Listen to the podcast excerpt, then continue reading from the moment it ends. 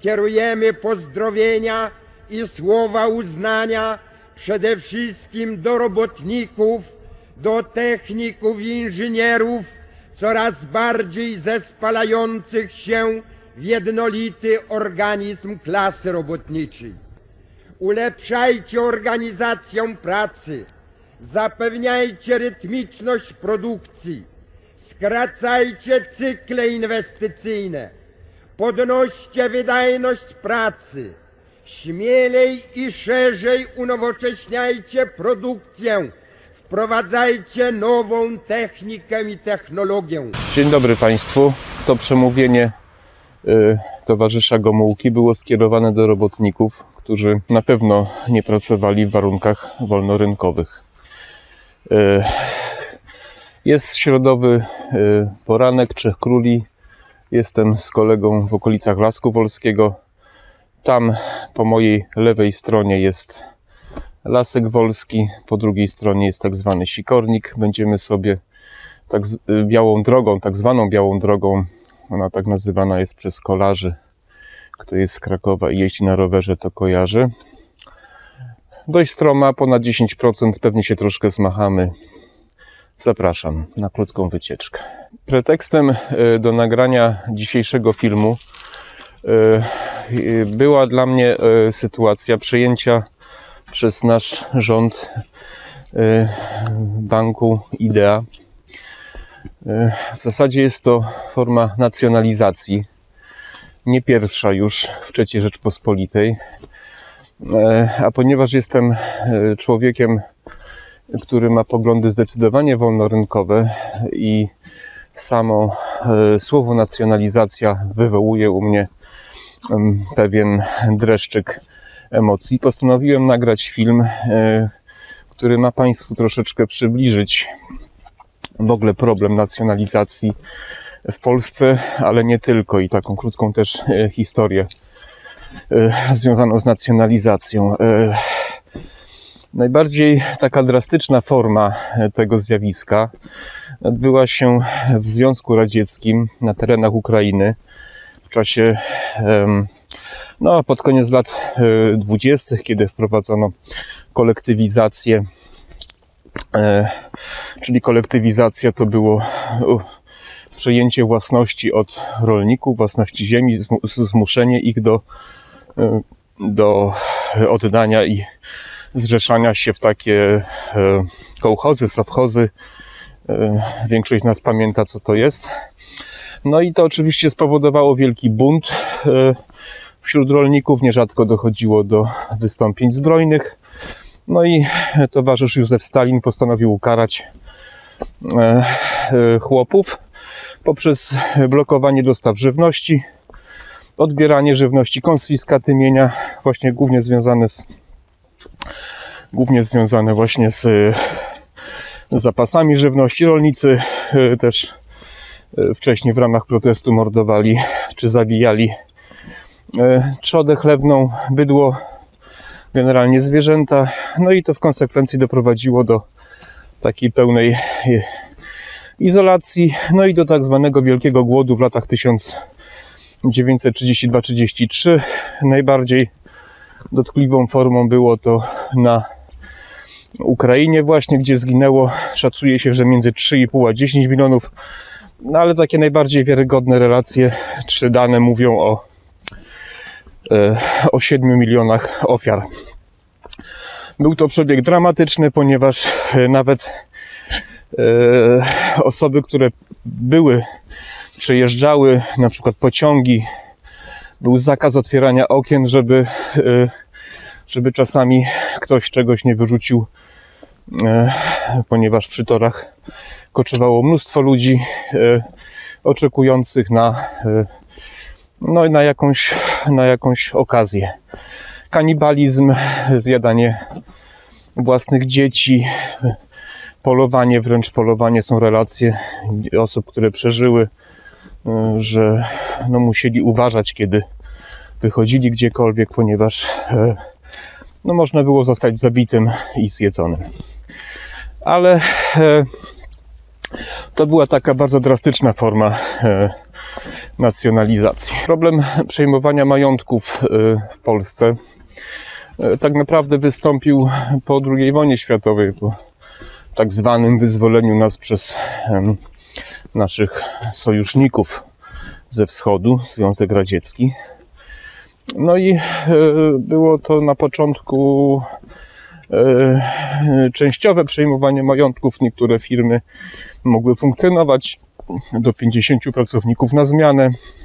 E, Potem oczywiście to poszło dalej. No i w zasadzie przemysł, cały przemysł, większość firm została przyjęta, nawet apteki zostały przyjęte e, przez państwo. Utrzymał się jakiś tam drobny, drobny jakiś taki, że może nie przemysł, ale, ale generalnie rzemieślnicy, tak zwani badylarze. No i oczywiście jesteśmy ewenementem na skalę bloku wschodniego, ponieważ u nas nie udała się reforma właśnie kolektywizacji, którą Związek Radziecki wprowadził wszędzie, tylko nie w Polsce. Kraje bałtyckie po II wojnie światowej. U nas były próby PGR-y, powstały, ale, e, ale PGR-y nie były.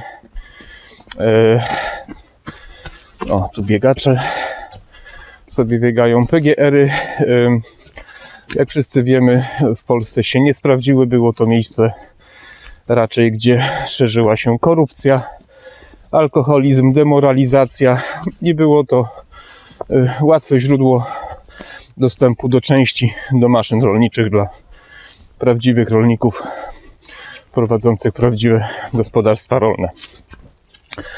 Y, No, w Europie Zachodniej to po wojnie to dotyczyło, nacjonalizacja dotyczyła głównie Austrii, Francji i Wielkiej Brytanii, ale to też nie chciałbym tego bardzo rozwijać. Tam były też przejmowane majątki firm, które e, współpracowały z III Rzeszą, z Hitlerem, e, ale to ponieważ dostaję sygnały, że moje filmy są za długie, nie chcę tego za bardzo rozwijać. Chodzi o to, że po 1989 roku wiadomym było, że własność państwowa się nie sprawdza. Państwo zbankrutowało. Było to wszystko nieekonomiczne, nieefektywne, e, drogie, zacofane. W związku z tym postanowiono wszystko sprywatyzować. I jak już mówiłem w poprzednich filmach, e, efekty nastąpiły dość szybko. Własność prywatna zawsze e, działa lepiej. Właściciel dba o swoich pracowników, dba o swoją firmę, dba, dba o zysk. Zależy mu na tym, żeby się rozwijać, żeby sprzedawać swoje produkty. No i generalnie to jest wiadomo od wielu, wielu tysięcy lat. Natomiast e, w momencie, kiedy e, troszkę odbiliśmy się od dna, no zaczęły znowu się pojawiać głosy o e, udziale państwa w gospodarce, o regulacji, o wpływie państwa na, na planowanie produkcji, tak jak na przykład we Francji. We Francji planowanie e, produkcji, planowanie, właśnie centralne planowanie jest dość powszechne. E, Tam biznesmeni, ekonomiści, właściciele się do tego nawet trochę już e, przyzwyczaili. E, No i to, co mówiłem też w poprzednim filmie, to, co mówił profesor Brzeziński, że socjalizm prawdopodobnie z nas nigdy nie wyjdzie. Może nie nigdy, ale przez najbliższych 50 lub 100 lat zaczęły się podnosić głosy, że nasze srebro rodowe zostały wyprzedane, że majątek rozkradziono. No i tych głosów było coraz więcej. Pojawili się ludzie, dziennikarze. E, Mój ulubieniec oczywiście Jacek Rzekowski i wielu innych, którzy zaczęli podnosić e, właśnie temat interwencjonizmu państwa w różnych dziedzinach życia. No i teraz do tego wszystkiego pojawił się taki francuski e, marksistowski ekonomista, Piketty się nazywa.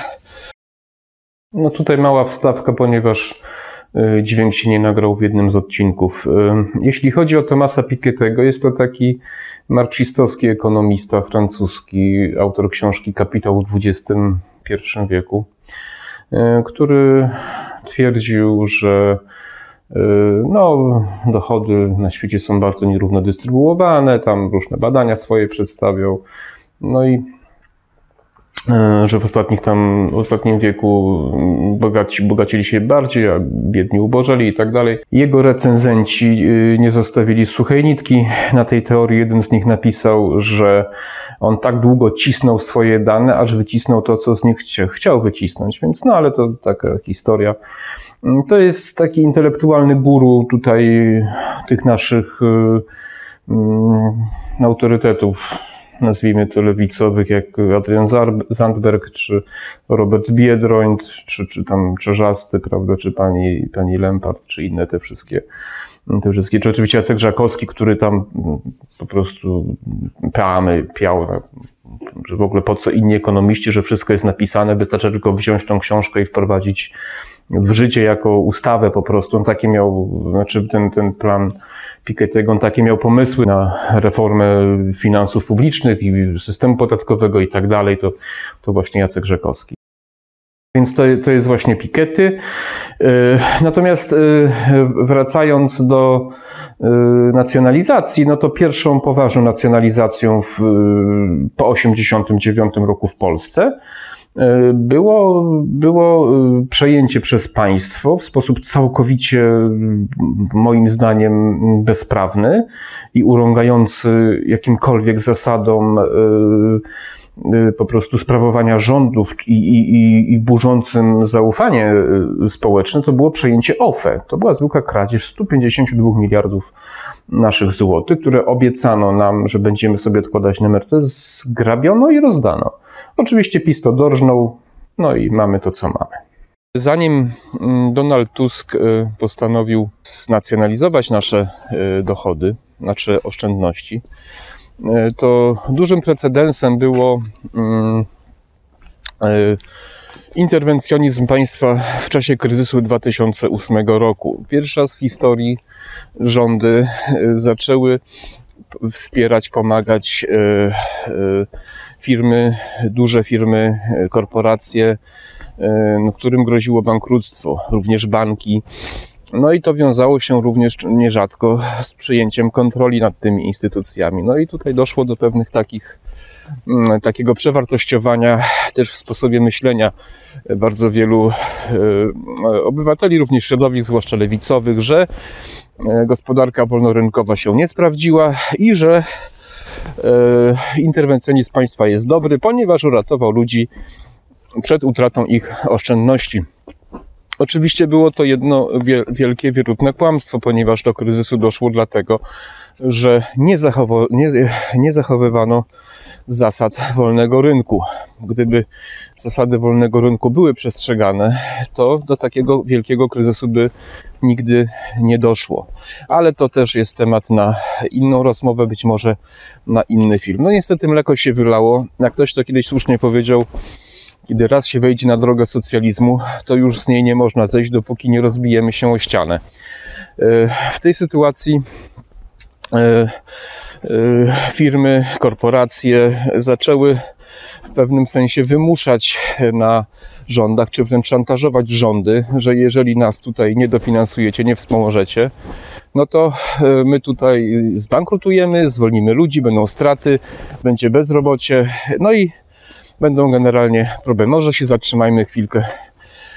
E, No i spowodowało to, że postawy roszczeniowe e, w, biznesie, ale też wśród obywateli, no, zaczęły się zwiększać. E, W dzisiejszym świecie mamy już do czynienia z regularnym wspieraniu korporacji, firm. W zasadzie można by się zastanowić, na ile korporacje międzynarodowe korporacje są jeszcze firmami prywatnymi, ponieważ są to firmy, które są często znacznie bogatsze od e, wielu rządów. Są to firmy, które e, wy- wywierają naciski na rządy, mają bardzo silne lobby i w zasadzie zachowują się jak rządy. Więc y, tutaj pojawia się kolejny problem. y, To jest moje osobiste y, takie, takie spostrzeżenie. Czy nie mamy mm, w dzisiejszych czasach do czynienia z nacjonalizacją korporacyjną? Mam na myśli konkretnie sytuację, w której wielka międzynarodowa firma poprzez nieuczciwe, nieuczciwe zasady, czyli na przykład ceny dumpingowe, poprzez nieuczciwą konkurencję, poprzez y, y, właśnie doprowadzania w sposób właśnie niezbyt wolnorynkowy firm, potem przejmuje te firmy za przyzwo- przysłowiową złotówkę, doprowadzając do przejęcia większej części y, rynku. Tutaj można by mówić o, o wielkich medialnych y, firmach, takich jak Google, Facebook, Amazon, to wszyscy wiemy. No ale to też dotyczy innych branż, prawda, może o których się mniej mówi, ale się jednak, ale się jednak mówi. Więc mamy w tym momencie do czynienia z taką sytuacją, gdzie konkurencyjność w wielu branżach jest coraz mniejsza. Problemy mają również banki. Jest to spowodowane też kryzysem teraz z sytuacją chorobową, e, gdzie jest niebywale duży dodruk pieniędzy. No i e, banki komercyjne mają coraz większe problemy. Banki komercyjne prawdopodobnie będą przejmowane przez banki centralne i tutaj właśnie wracamy do banku Idea. Tutaj jest oczywiście sprawa jeszcze taka bardziej polityczna. E, Kto śledzi troszeczkę te, te, te, te media z panem Leszkiem Czarneckim, historia Kaczyńskim i tak dalej, no to wie, że tutaj chodzi jeszcze, e, że tutaj e, mamy problem z pewnymi rozgrywkami pomiędzy mm, no, niektórymi ministrami y, rządu naszego, a właśnie zarządem y, tego banku. Tam chodziło o ludzi, którzy mieliby zasiadać w tej radzie nadzorczej. Pan Czerecki się nie zgodził, potem, potem y, były nagrania, które, których wychodziło, że ten bank zostanie zlikwidowany, jeśli on się na to nie zgodzi. No jak widzimy, właśnie do tego teraz doszło. No więc będziemy mieli sytuację prawdopodobnie, gdzie rządy będą starały się e, przejąć kontrolę nad bankowością generalnie, czyli do nacjonalizacji bankowości może dojść. No i teraz pytanie jest takie, czy my jako społeczeństwo powinniśmy się tego obawiać. Dla wielu e, naszych obywateli e, własność prywatna, ludzie, którzy dorabiają się swoją pracą, swoim ryzykiem, kiedy inwestują swoje pieniądze, dochodzą do sukcesu. No, dla wielu naszych e, rodaków jest to, jest to problem. Jest to problem e, chyba takiej zawiści zwykłej ludzkiej, prawda? E, Wolą, żeby coś było państwowe, czyli niczyje, niż prywatne, prawda? Wiele badań pokazuje, że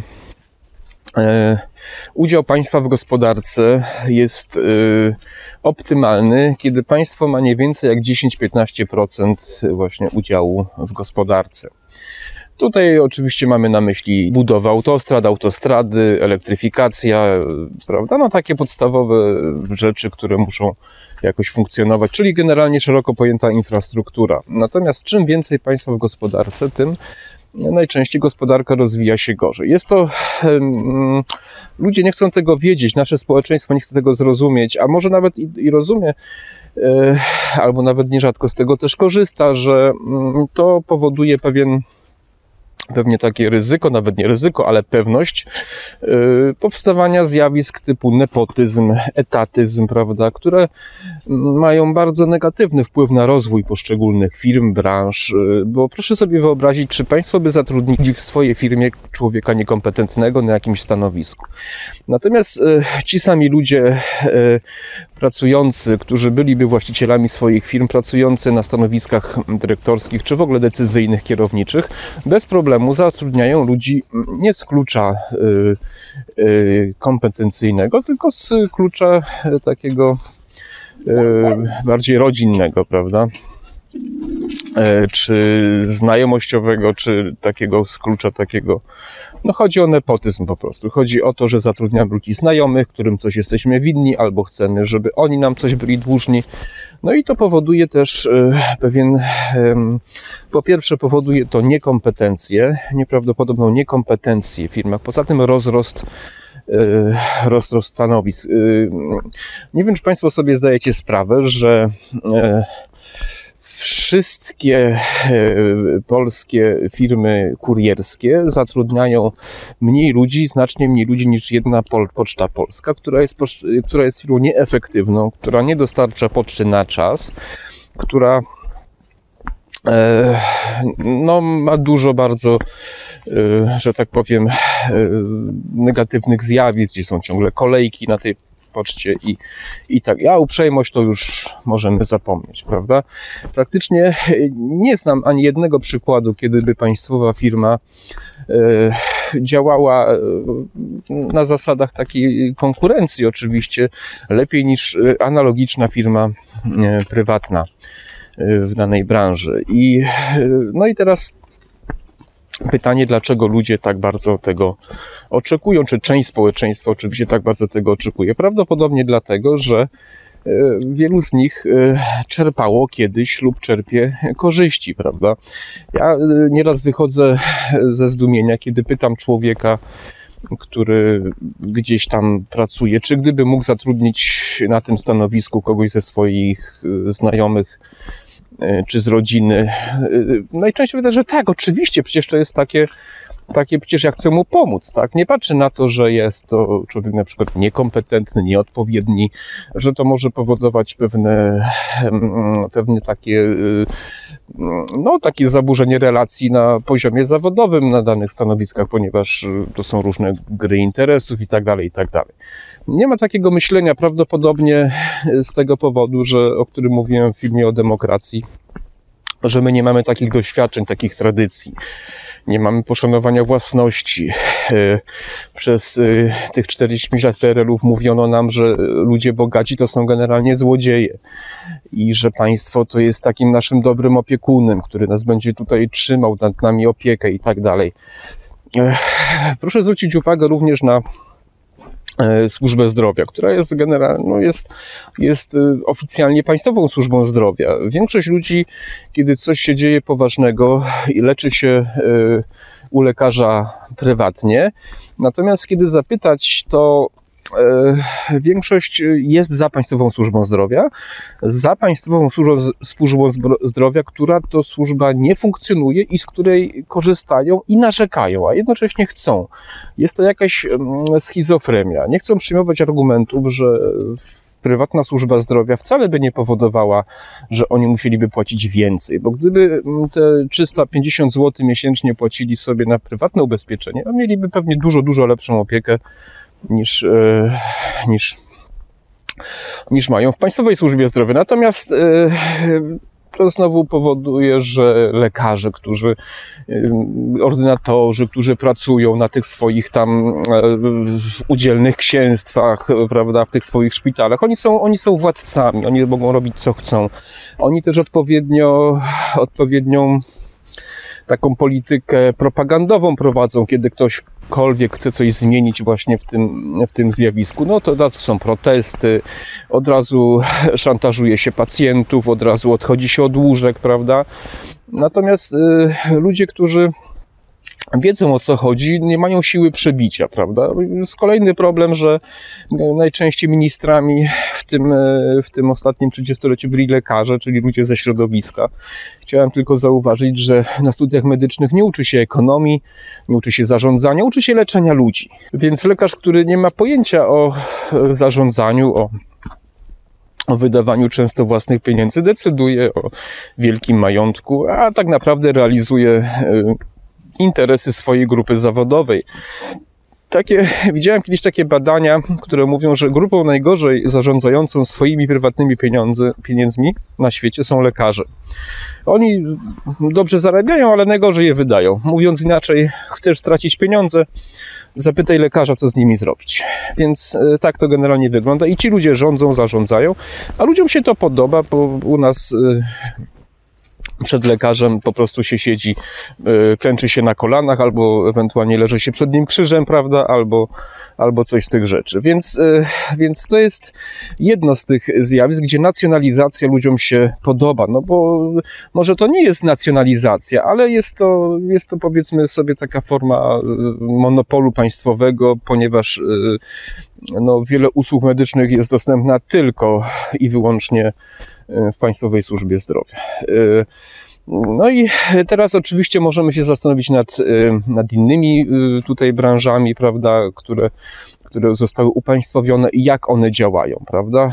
Właśnie sama instytucja ZUS, emerytur naszych, y, naszych oszczędności, prawda, czy tych, których odkładamy bardzo dużo, 50, prawie 50% mm, co miesiąc naszych dochodów, kto pracuje na etacie, jest przekazywanych do ZUS-u. I to jest właśnie jeden z takich, jedna z takich instytucji, która została znacjonalizowana, można powiedzieć, ponieważ nie funkcjonują tak naprawdę na poważnie yy, na wolnym rynku, nie konkurują ze sobą firmy ubezpieczeniowe, gdzie Państwo możecie sobie wybrać i zdecydować, gdzie chcecie oszczędzać na swoją emeryturę. Płacicie pieniądze, płacimy pieniądze i od decyzji rządu zależy. Jeżeli sąd sobie, u- rząd sobie uzna, że za 20 lat zmniejszy Wam o połowę, to sobie zmniejszy. Tak jak zlik- zlikwidował OFE i nic nie zrobicie, prawda? Nie macie żadnej możliwości e, zmiany tego. No więc y, cała ta, cały ten wywód do tej nacjonalizacji jest po to, żeby uświadomić, że e, państwu, że e, niestety chyba znowu w tym kierunku zmierzamy, ponieważ e, nasze obecne rządy mają takie socjalistyczne zabarwienie, mówiąc delikatnie. Mają taki pomysł na nazywanie wszystkiego narodowym. I y, oni dobrze wiedzą, co robią, ponieważ y, wielu naszym obywatelom, współobywatelom się to podoba, zwłaszcza na prowincji, w miejscach, gdzie, gdzie jakby no nie mają dostępu do, do dużego biznesu, nie wiedzą, co, co to jest y, dokładnie, nie, nie, nie spotkali się nigdy z prawdziwym takim wolnym rynkiem.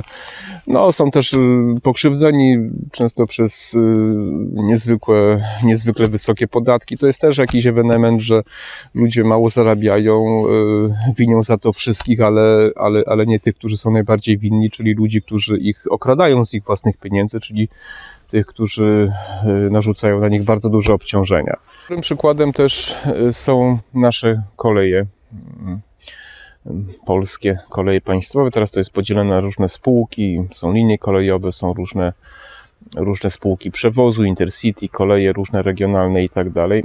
E, Proszę Państwa, sytuacja, która, mia- y, w jakiej koleje zosta- zostaliśmy na początku lat 90., to no to było tak, że mieliśmy całkiem sporo tych połączeń, całkiem sporo pociągów, ta in- infrastruktura jakoś tam działała po tym socjalizmie, przez tych 45 lat to się w miarę rozwinęło. Jakość jaka była, to wszyscy pamiętamy, toalety, tłoki, jazda między wagonami i tak dalej, i tak dalej. Natomiast przez najbliższych 20 lat, ponieważ oczywiście państwo tym zarządzało, zostało doprowadzone do ruiny. Jacyś yy, mądrzy ludzie stwierdzili, yy, na początku lat 90., że ludzie będą jeździć samochodami, autostrady, że koleje są niepotrzebne. Oczywiście yy, yy, kto, kto o tym decydował, na jakiej podstawie, na podstawie jakich badań, tego nikt nie wie, doprowadzono do ruiny. No i teraz od 10 lat mniej więcej yy, próbuje się tę kolej odbudowywać, czyli to jest taka takie typowe dla państwa, takiego jak właśnie, czy zarządzania państwowego, doprowadzić coś do ruiny, a potem to odbudowywać, prawda? Właścicielem był, byli prywatni przedsiębiorcy, nigdy by nie dopuścili przede wszystkim do zrujnowania, y, y, zrujnowania kolei. No ale załóżmy, że już kolej się odbudowała, y, mamy pendolino y, i tak dalej. No i czy Państwo sobie wyobrażacie, że w XXI wieku, prawda, ktoś y, zakłada linię kolejową, kupuje pociągi, i do tych pociągów nie instaluje Wi-Fi, tak? To jest y, przypadek, a kiedy już y, y, mleko się wylało, no to przez najbliższych 10 lat nie jest w stanie nic z tym zrobić. To jest typowe dla państw takich właśnie jak y, Polska, czyli do monopolu, dla monopolu państwowego. Mówię o tym wszystkim, ponieważ e, ponieważ e, e, problem e, przejmowania gospodarki albo przez państwa, albo przez korporacje od prywatnych właścicieli w ostatnim czasie się nasila, zwłaszcza w okresie tych, tych zjawisk właśnie chorobowych i jest to dość niepokojące, bo moim zdaniem w dłuższej perspektywie czasu doprowadzi nas do mm, generalnie obniżenia znaczącej jakości życia, do zubożenia naszego społeczeństwa i i niestety też do zmiany pewnej takiej mentalności, to znaczy przestaniemy sobie cenić własność prywatną, zaradność, odpowiedzialność i to, o czym mówiłem wszystkim e, w, poprzednich filmach. E, mam nadzieję, że, że dojdzie do jakiegoś e, takiego do jakiegoś takiego przewartościowania tych, tych wszystkich rzeczy. E, historia jest e, dość dramatyczna tych właśnie, zwłaszcza, zwłaszcza na wschód od Polski, zwłaszcza w Związku Radzieckim, ale nie tylko, bo tu możemy mówić o, o Kambodży i Czerwonych Kmerach, o Polpocie, prawda, o Kubie, o wielu krajach, gdzie nacjonalizacja następowała w sposób dramatyczny, wiązała się z, z mordowaniem właścicieli firm, przedsiębiorstw. Zresztą w Polsce po wojnie też no, ludzie przychodzili do swoich firm, mówili ja tutaj jestem właścicielem, tutaj wróciłem, no to byli wyrzucani, wywożeni na taczkach, majątki były przejmowane, rozkradane, rujnowane. No, yy, zawsze tak jakoś się dzieje, że odwrót od własności prywatnej powoduje, no, niestety, no, dość yy, dramatyczne zubożenia, zubożenie społeczeństwa, yy, też takie moralne, takie upadek moralny społeczeństw najczęściej, ponieważ tracimy szacunek do pewnych wartości też również i no i do ludzi, ludzie do siebie nawzajem też tracą szacunek. Ja pamiętam, jeszcze załapałem się na początek, na końcu lat, początek lat 90. do pracy w takiej spółdzielni, gdzie ona funkcjonowała na, jeszcze na starych zasadach. Ja nigdy nie zapomnę opowieści, kiedy mówiono, że właśnie w tej firmie, ponieważ y, trzeba było dać ludziom pracę, y, trzeba było y, no nie można było wtedy, wtedy nie było ludzi, którzy nie pracowali. To byli tak zwane, tak zwane niebieskie ptaki, więc to prowadziło do tego, że na przykład kabel, który ta spółdzielnia produkowała, kosztował, produkcja tego kabla kosztowała powiedzmy złoty 50, a oni sprzedawali ten kabel za złotówkę. No ponieważ taki był prikaz od góry, ponieważ te ceny były sterowane odgórnie, zasady zarządzania były narzucane odgórnie, kabla nie można było sprzedać drożej niż za złotówkę, no ale produkcja kosztowała złoty 50. No i kto za to wszystko płacił? Kolejnym jeszcze problemem jest e, konkurencyjność firm państwowych znacjonalizowanych, przejętych przez państwo czy mm, stworzonych przez państwo, ponieważ dochodzi do pewnej, pewnego konfliktu interesu, to znaczy Ludzie, którzy są właścicielami y, y, firm prywatnych, y, nie mają dostępu do wiedzy, jaką na przykład do, do ewentualnie ich zmian przepisów, czy do pewnych, do pewnej wiedzy związanych z zarządzaniem państwem, zmianą pewnej ordynacji na przykład podatkowej które mają firmy państwowe. Poza tym e, dość typowym zjawiskiem jest dofinansowywanie firm państwowych przez państwo, czyli to zaburza e, konkurencyjność. Firma prywatna nie dostanie dofinansowania od państwa, a firma państwowa dostanie dofinansowanie od państwa. Poczta Polska ma dostać pieniądze teraz za rzekome czy nie za rzekome, tylko za wybory, które się nie odbyły kopertowe, prawda? E, górnicy. Górnicy y, przyjadą do Warszawy, podpalą Warszawę, dostaną pieniądze, a obok działa czeska kopalnia, która działa bardzo dobrze na warunkach wolnorynkowych i, i, i, i nie potrzebuje żadnych dotacji, jakoś działa, prawda? A górnicy tutaj, proszę bardzo. Na pewno Państwo pamiętacie z minionej epoki, że chcecie coś kupić, chcecie coś załatwić, przychodzicie do urzędnika, przychodzicie do sklepu, no i prosicie o pomoc, czy mówicie, czy może mi pani w czymś pomóc? Jem przecież. No właśnie. I ja bym chciał wierzyć, że, że takie czasy już nie wrócą.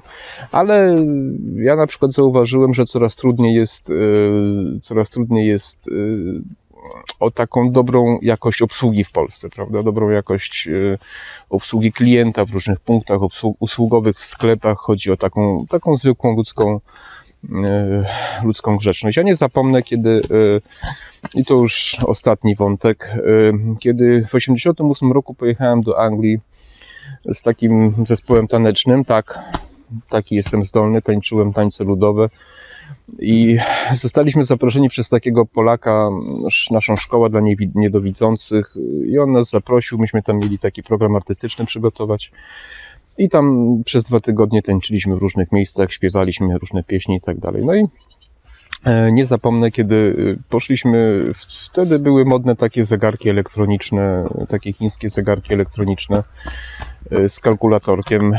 E, I myśmy nie mieli wtedy pieniędzy. On nam dał do dyspozycji po 10 funtów i e, no i to nawet na, te czasy to nie było zbyt wiele. No i poszliśmy do takiego sklepu w Clacton-on-Sea, taka miejscowość nadmorska, nad Morzem Północnym, e, gdzie te, gdzie te zegarki były za jednego funta. Poszło nas cztery osoby, chcieliśmy łącznie cztery te zegarki kupić. No i tam e, okazało się, że tych zegarków nie ma. Mieliśmy tłumaczkę, tam jedna z koleżanek tłumaczyła. No i e, przyszła taka elegancka pani, właścicielka tego sklepu.